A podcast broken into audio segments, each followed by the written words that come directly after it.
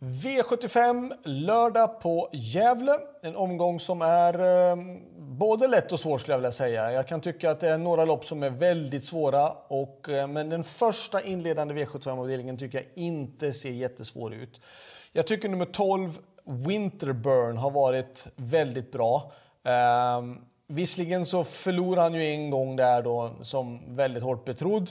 Eh, men ska tydligen ha jobbat bra och jag tycker att det är en häst, verkar vara i alla fall en häst utöver det vanliga och jag tycker att han är ett bra spikförslag. Eh, det finns bättre spikförslag senare och man vill gardera det här loppet, ja. Den som är snabbast ut och tar spets utav fem bottnar Justin och sju Dino Cream, det kanske är fördel sju Dino Cream. Eh, men den som är snabbast utav de två och tar spetsen kommer att försöka bjuda upp till match, det tror jag. Två Majestic Up tycker jag också är lite grann är intressant. Och vill man ha ytterligare en häst så kan jag tycka nummer 8 iCycle Am också. Om den nu skulle, om nu ett bojkott kunde öppna lite grann i alla fall så kunde 8 iCycle Am kunna vara intressant. Men 12 Winterburn är en solklar första häst. Där bakom då 5 och 7, eller 2, 5 och 7. Eh, vi går till V75 2. Eh, I det här loppet så tittar man på det rent propositionsmässigt så har ju hästarna som står på start någonstans runt 5, 400, runt 400 000 på sig. Och de som står på 20 tillägg har 6, mellan 5 och 600 000 på sig. Normalt sett så ska ju de som har då eh, 20 meters tillägg ha någonstans mellan dubbelt till nästan tredubbelt så mycket pengar på sig. Och det har de ju inte och det bevisar att det kommer vara svårt för de här som står 20 meters tillägg att ta dem eh, på start. Så jag kan tycka att det är mest intressant med dem på start då, rent propositionsmässigt. Och då är det ett Holms Pegasus, fyra Klackvidar, fem Grude Tryggve som dock faktiskt, jag ser att den är streckad ganska så hårt nu. Den fick ju stryk regelrätt eh, utav ett Holms Pegasus då, vad var det, den Eh, ja, men det var väl någon gång i september och då vann ju Holms Pegasus, eller var väl tvåa, men den tog i alla fall ner Gru, Grude Tryggve från utvändigt ledan och jag kan tycka att ett är bara sträckad på just nu då 13 procent medan fem är sträckad på 31 procent. Så det, det trendar lite, det kan tycka är lite fel.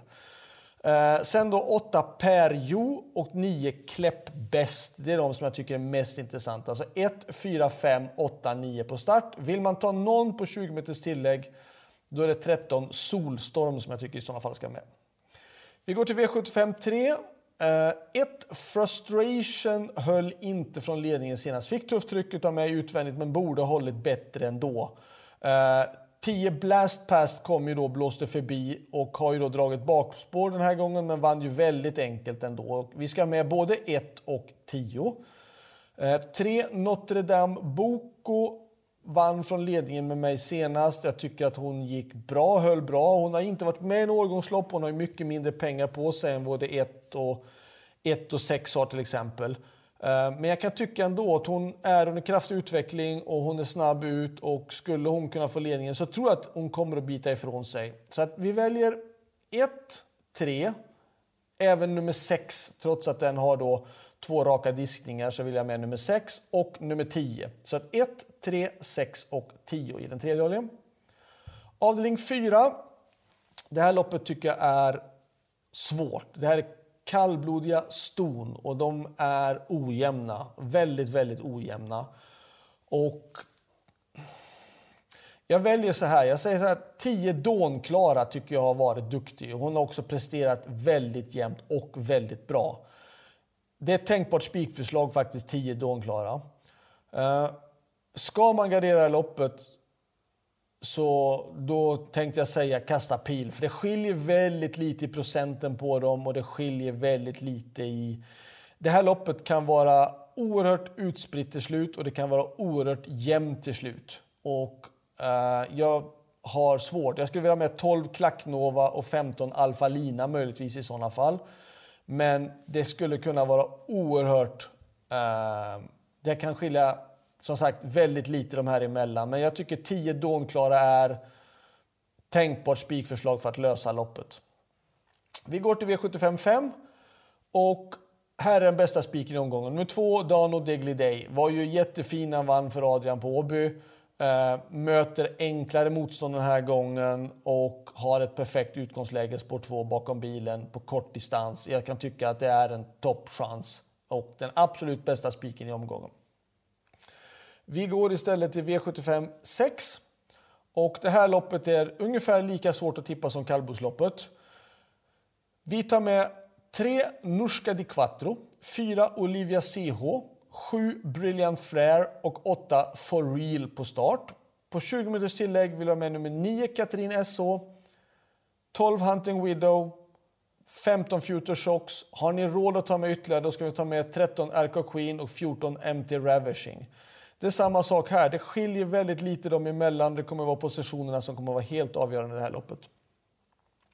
Vi går till V75 7 och två Victory Eagle är ju bra. Det är mycket möjligt att Victory Eagle leder det här loppet runt om.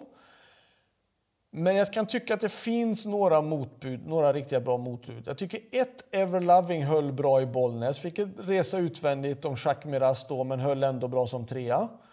Eh, tre Maverick Merca tycker jag också är intressant att Örjan ska köra från ett fint utgångsläge. Fem Bengt gick också bra i Bollnäs i skymundan. Eh, och sex Express Cash gjorde ett bra lopp senast och är bara tre år visserligen men på väg uppåt och det står ju här att den ska gå eventuellt i en amerikansk vagn mot en vanlig vagn och jag kan tycka att mm, det kan vara värt att passa upp i sådana fall. Så att jag väljer att ta tvåan i solklar första häst. Där bakom 1, 3, 5 och 6. Så det var allt. Lycka till så hörs vi vidare och glöm inte Grande Finale på söndagen, nyårsafton, Axvalla, superjackpot. Lycka till, ha det bra. Hej då!